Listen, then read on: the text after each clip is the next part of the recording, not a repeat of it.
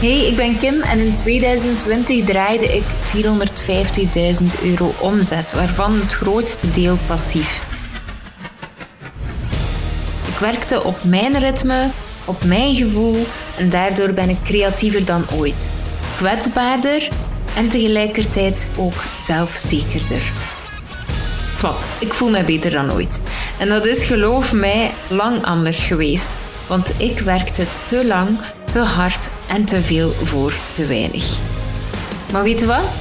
Ik ben ervan overtuigd dat ik u kan inspireren om het leven te creëren zoals dat jij dat wilt. Zelfs wanneer het te hoog gegrepen lijkt. Zie je dat zitten? Blijf dan zeker luisteren. 2014 als Gentse supermarktverantwoordelijke heb ik de grootste lol. Ik doe niets liever dan medewerkers pesten door ze te laten schrikken. Wanneer ik als verantwoordelijke stiekem achter ze aan ga staan en hen betrap op een middagdipje. Een conversatie die te lang aanhoudt. Of een sigaretje roken achteraan het magazijn.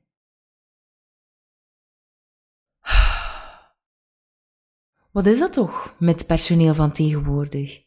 Niemand neemt zijn job nog serieus. Zo'n luirekken.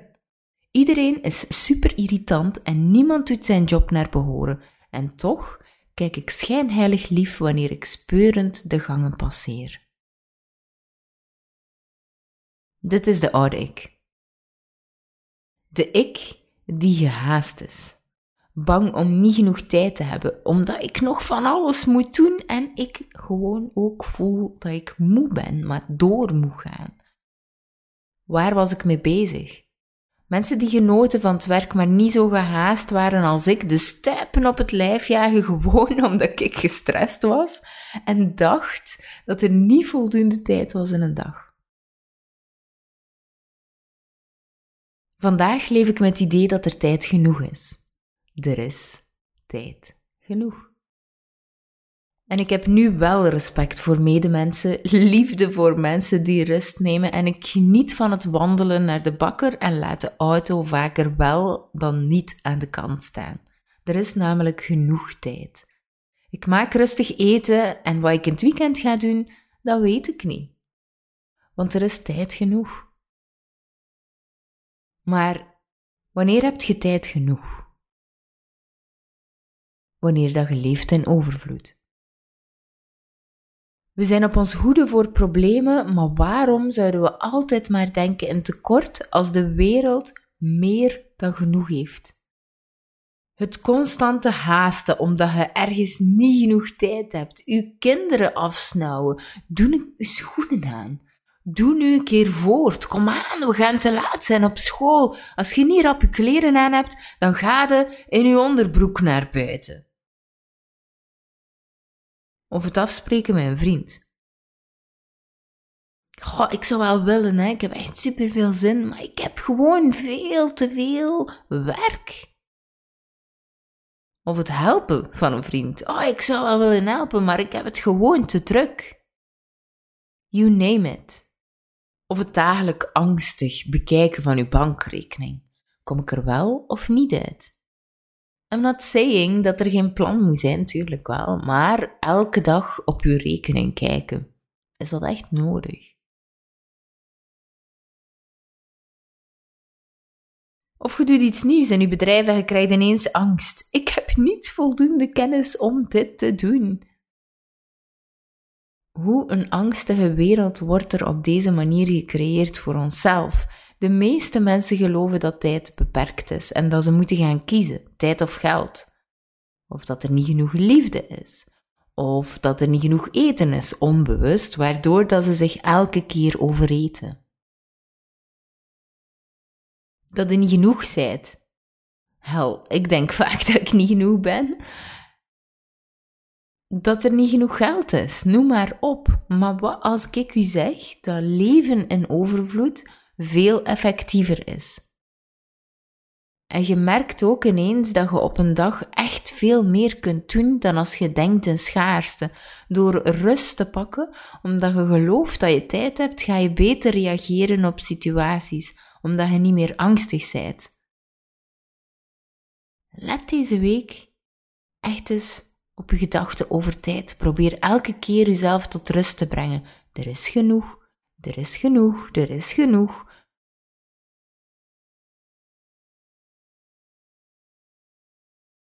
Mama, ik heb nog 10.000 punten nodig en dan mag ik naar het volgende level.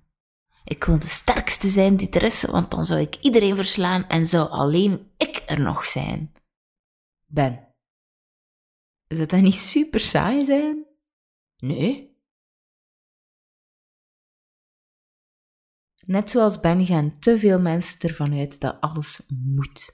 Als ik dat, dan zal dat. Als ik dit, dan zal dat. Terwijl dat helemaal niet het geval is.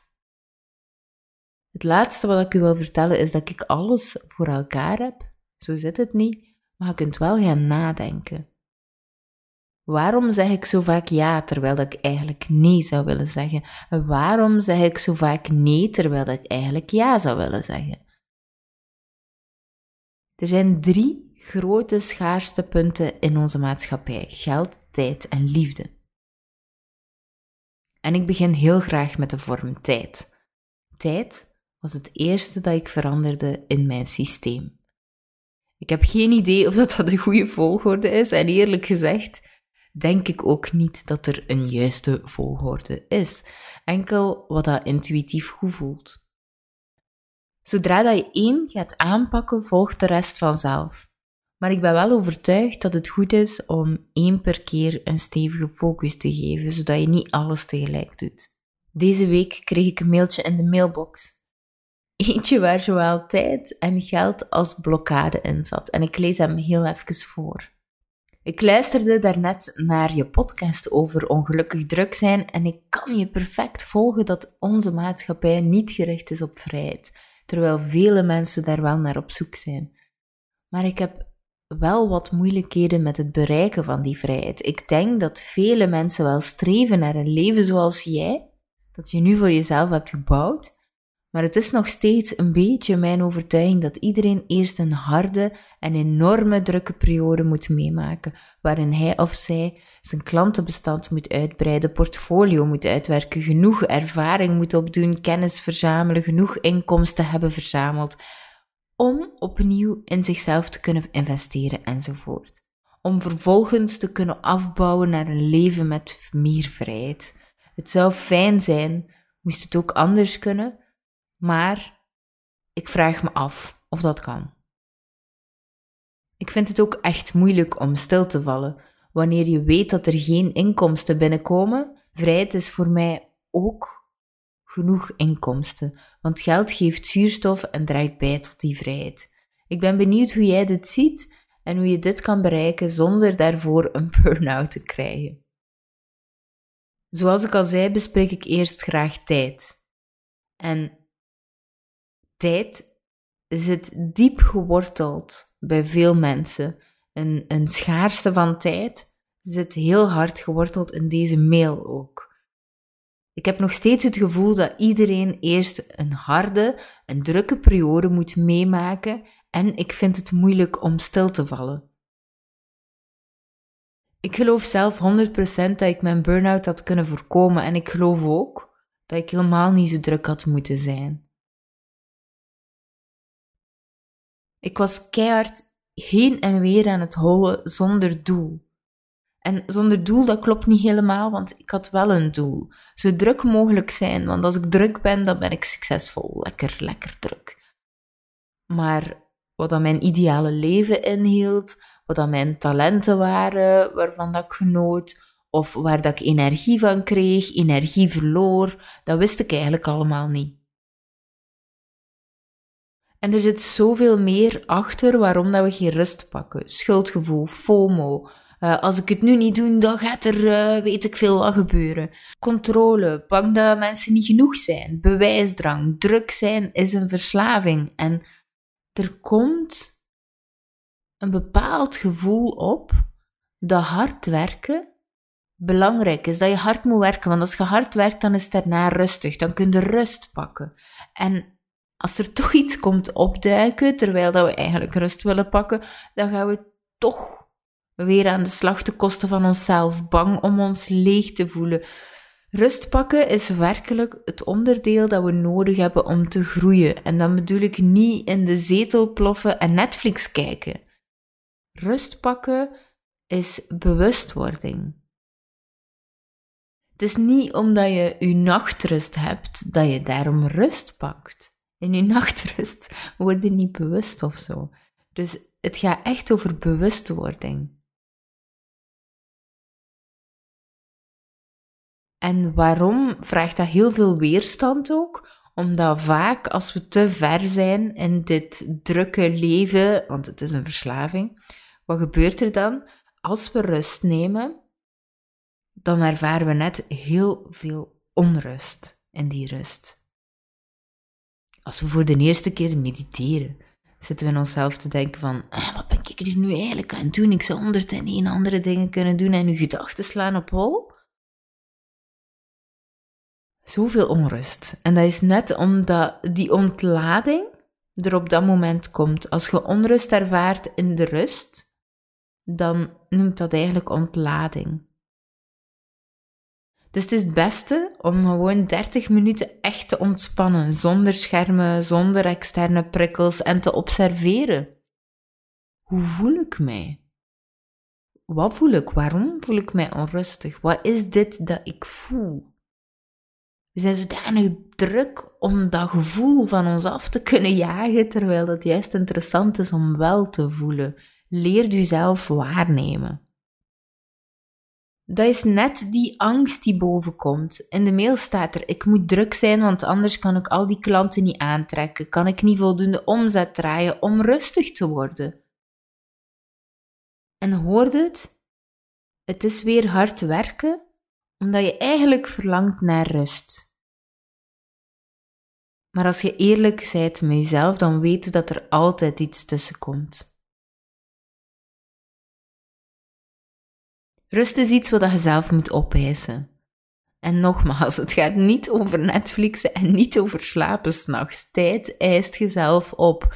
Ondanks dat ik heel druk was, had ik wel een strategie. Niet zozeer een plan, maar wel echt 1 plus 1 is 3. en dat is de reden waarom dat ik in een mum van tijd mijn agenda vol krijg. Maar wat als? Wat als ik de tijd had genomen om rust te nemen, in plaats van constant druk, druk, druk, zonder doel eigenlijk, maar wel mijn strategie. Als ik rust had genomen om eerst die strategie goed uit te werken. Als ik erop vertrouwde had dat ik tijd genoeg had om mijn strategie uit te werken. Het is niet moeilijk om druk te zijn. Als ik dat gedaan had, dan had ik een andere persoon geweest. En ik had nooit die drukte of die burn-out moeten ervaren. Daarnaast zou ik nu veel verder gestaan hebben dan vandaag. Waar ik wel van overtuigd ben, is dat ik die lessen echt nodig heb gehad. Maar als je dit van iemand anders kunt leren, of als ik dat van iemand anders had kunnen leren, dan had ik ook gewoon kunnen doordoen zonder die burn-out te belanden. Ik ben overtuigd dat je niet per se een burn-out nodig hebt of jezelf volledig kapot moet werken om er dan uit te klauteren. Dat is gewoon geen logische beredenering. Hoe dan ook, je hoort het zelf. Hij gelooft eigenlijk niet dat het kan zonder druk bezig te zijn of burn-out. En het klote is dat dat geloof de perfecte cocktail is voor. Nu ja, burn-out. Hoe meer dat je dit denkt, hoe meer dat je dit gelooft, hoe meer dat je het uitstraalt en hoe meer dat je het ook gaat aantrekken. Maar ook omgekeerd, hè? Als je heel vaak denkt aan positieve dingen of positief denkt over tijd, positief gelooft in tijd, en hoe meer dat je dat uitstraalt en ook gaat aantrekken. Kies bewust. Kies bewust uw geloof en wees concreet. Uw onderbewustzijn heeft veel meer tijd nodig om iets aan te leren, om iets te geloven dan uw bewustzijn. Luister precies naar wat je zegt over tijd. Ik heb geen tijd, ik kan dit niet, dat gaat niet, ik moet. Let erop wanneer dat je zelf opjaagt En stel jezelf de vraag: is dit echt nodig? Is het echt nodig om mij op te jagen? Of verandert dit iets aan de situatie? Als je een afspraak hebt en je stelt je GPS in naar de locatie en je ziet dat je 10 minuten te laat gaat zijn, heeft het dan echt zin om je op te jagen zodat je 9 minuten te laat zou zijn? Als je helemaal eerlijk bent met jezelf? Nee. Vraagt een investering van u. Ironisch genoeg vraagt het tijd om te geloven in tijd.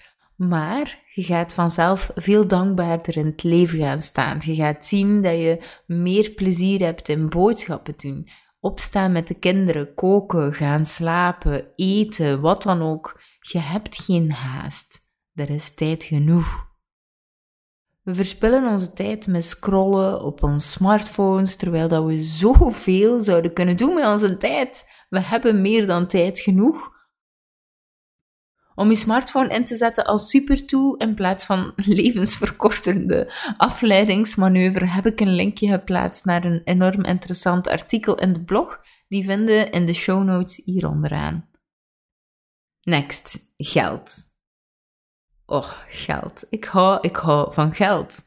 Ik heb altijd een vrij goede relatie gehad met geld, ondanks dat ik toch wel enkele gekke dingen heb meegekregen vanuit mijn omgeving, zoals wij allemaal trouwens. Maar door mijn verleden in armoede was er toch een bepaalde vorm van schaarste ontstaan. Dus wat is er precies gebeurd in mijn systeem? Ik was in staat om heel goed te verkopen. Ook iets wat ik meegekregen heb uit mijn verleden, uit het uh, vindingrijk zijn, hoe ik geld zou gaan verdienen, terugverdienen of mijn plan trekken, maar ook omdat ik heel goed weet wat dat de waarde is van een product. Ik denk niet in prijzen, ik denk in waarde van een product en dat helpt mij enorm goed om dingen te verkopen. Maar op de een of andere manier, als er een deadline dichterbij kwam en ik nog niet volboekt was, dan kreeg ik elke keer een paniekaanval. En wat gebeurde er dan? Ik ging ineens heel opdringerig gaan verkopen. Dat was uitzonderlijk vervelend voor mijn potentiële klanten, maar ook voor mij. Het was sterker dan mijzelf en ik deed het elke keer opnieuw. En van zodra dat hij was uitgestuurd, voelde ik mij al um, goor van binnen, simpelweg. Maar doordat ik het elke keer opnieuw deed, liet ik eigenlijk relaties die ik al had opgebouwd, vertrouwensrelaties, ineens in duigen vallen door agressieve communicatie. En ik wist dat het niet oké was, maar toch bleef ik het doen. Wat nog erger was voor mij, door dat aandringen, kreeg ik eigenlijk mensen in mijn programma's die er niet klaar voor waren, of die eigenlijk niet helemaal overtuigd waren, die dat eigenlijk niet wilden doen, maar dan dachten van oké, ik, ik doe het toch maar. En naderhand waren die eerder teleurgesteld, want ja, als je niet met twee volle 100% voor iets gaat, dan mislukt het gewoon. Ik zie die Amerikaanse techniek van agressief verkopen nog steeds heel vaak bij andere marketeers, maar ik wil dat dus nooit meer doen. Integendeel. Als mensen helemaal niet zeker zijn van mijn programma, maar toch FOMO ervaren, doe het dan gewoon maar niet. Laat maar zitten. Ik werk liever met mensen die er echt voor willen gaan. En dat heb ik echt wel geleerd uit het verleden. Dit is schaarste leven. Verkopen uit angst. En misschien is dat voor u minder herkenbaar, maar er zijn nog 101 verschillende manieren om te leven in angst op basis van geld. Door, zoals die mailer deze week zei, ik moet eerst voldoende inkomsten genereren om tot te komen.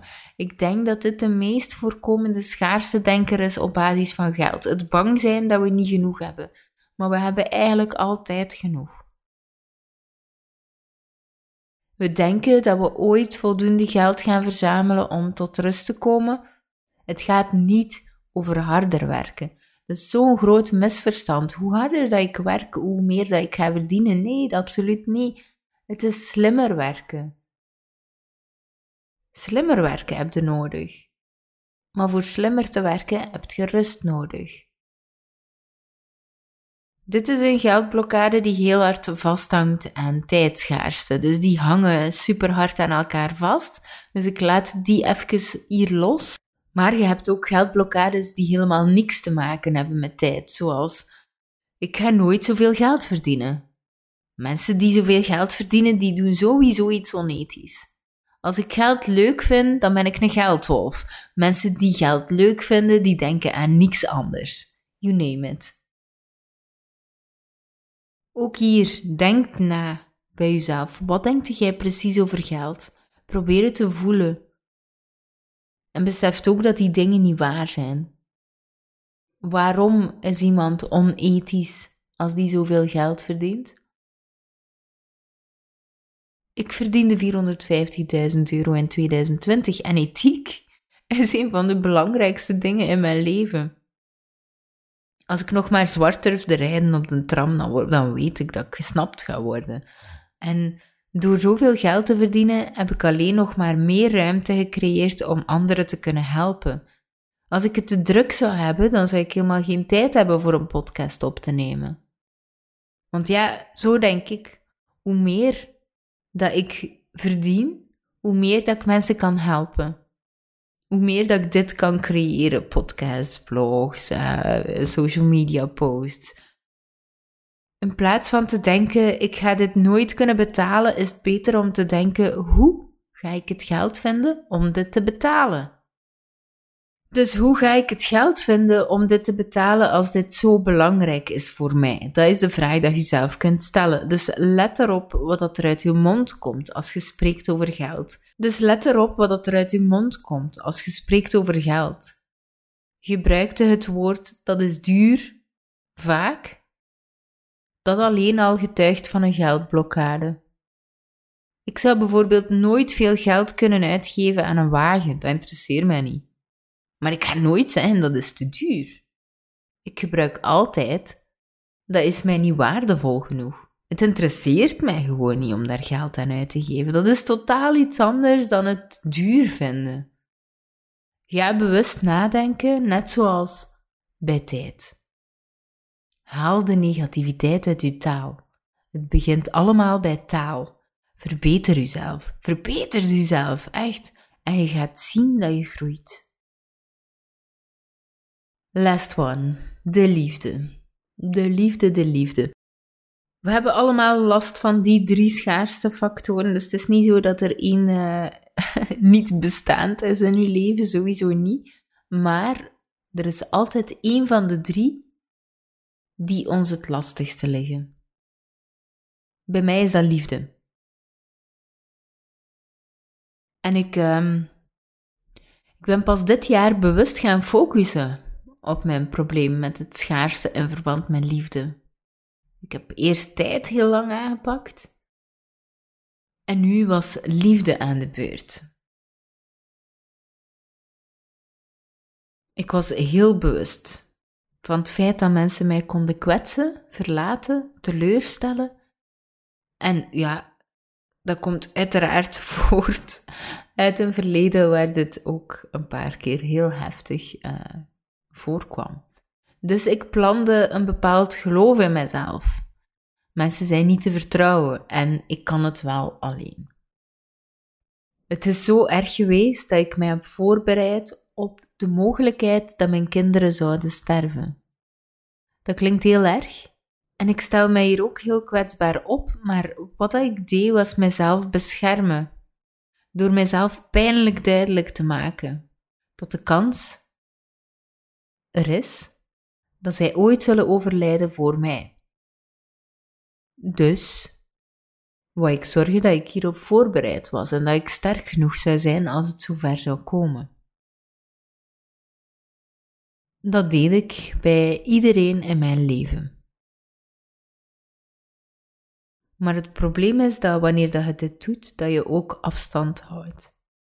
Je kunt niet alles blootgeven en afstand bewaren. Dat gaat niet. Dus ik uh, ervaarde daar wel wat problemen door. Ik was niet in staat om te netwerken. Ik vond het vermoeiend. En ondanks dat ik probeerde om het wel te doen en, en jaarlijks naar conferenties te gaan, voelde ik mij ontzettend eenzaam in een volle zaal van 250 mensen. En ik had niet eens door dat dat een blokkade was.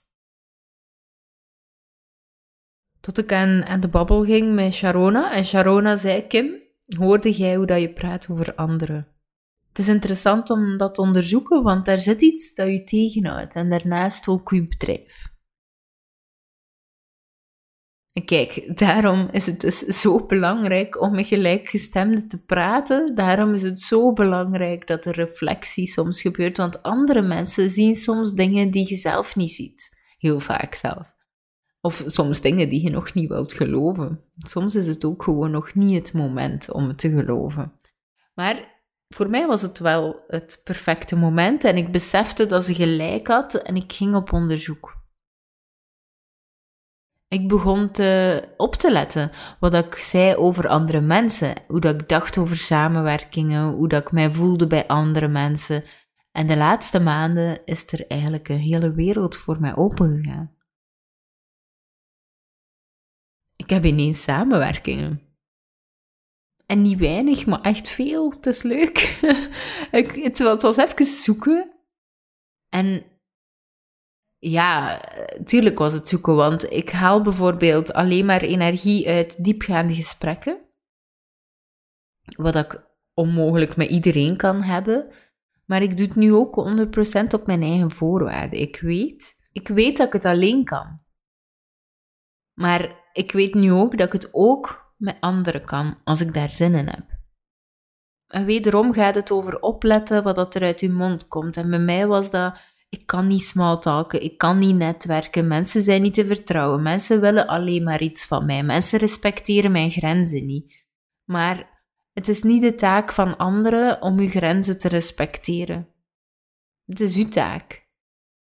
En ik kan wel smalltalken, maar ik haal er gewoon geen energie uit. Ik hou van diepgaande gesprekken en dat wil zeggen dat ik niet met iedereen wil praten. Mensen zijn niet te vertrouwen. Nou, daar heb ik nog een beetje werk aan. Het is niet zo dat ik geen vertrouwen heb in de mensheid, tuurlijk wel, maar er blijft voorlopig nog een bepaalde bindingsangst. Maar ik werk eraan. Ik affirmeer, ik probeer elke keer een beetje meer. En als ik mij toch eenzaam voel, dan denk ik aan alle mensen in de wereld die hetzelfde voelen als ik. Want het is namelijk zo dat als je focust op eenzaamheid, als je, als je alleen maar denkt, oh, ik voel me eenzaam, ik voel het niet, ik pas niet bij de anderen, dat je je alleen nog maar eenzamer gaat voelen. Terwijl wanneer dat je gaat gaan focussen op connectie met anderen, dat je verbinding voelt. Wat dat ervoor zorgt dat je meer liefde ervaart. Dus ja, als ik mij eenzaam voel, dan denk ik aan alle mensen die op dat moment hetzelfde voelen als ik. En dan voel ik meteen die verbinding en die liefde.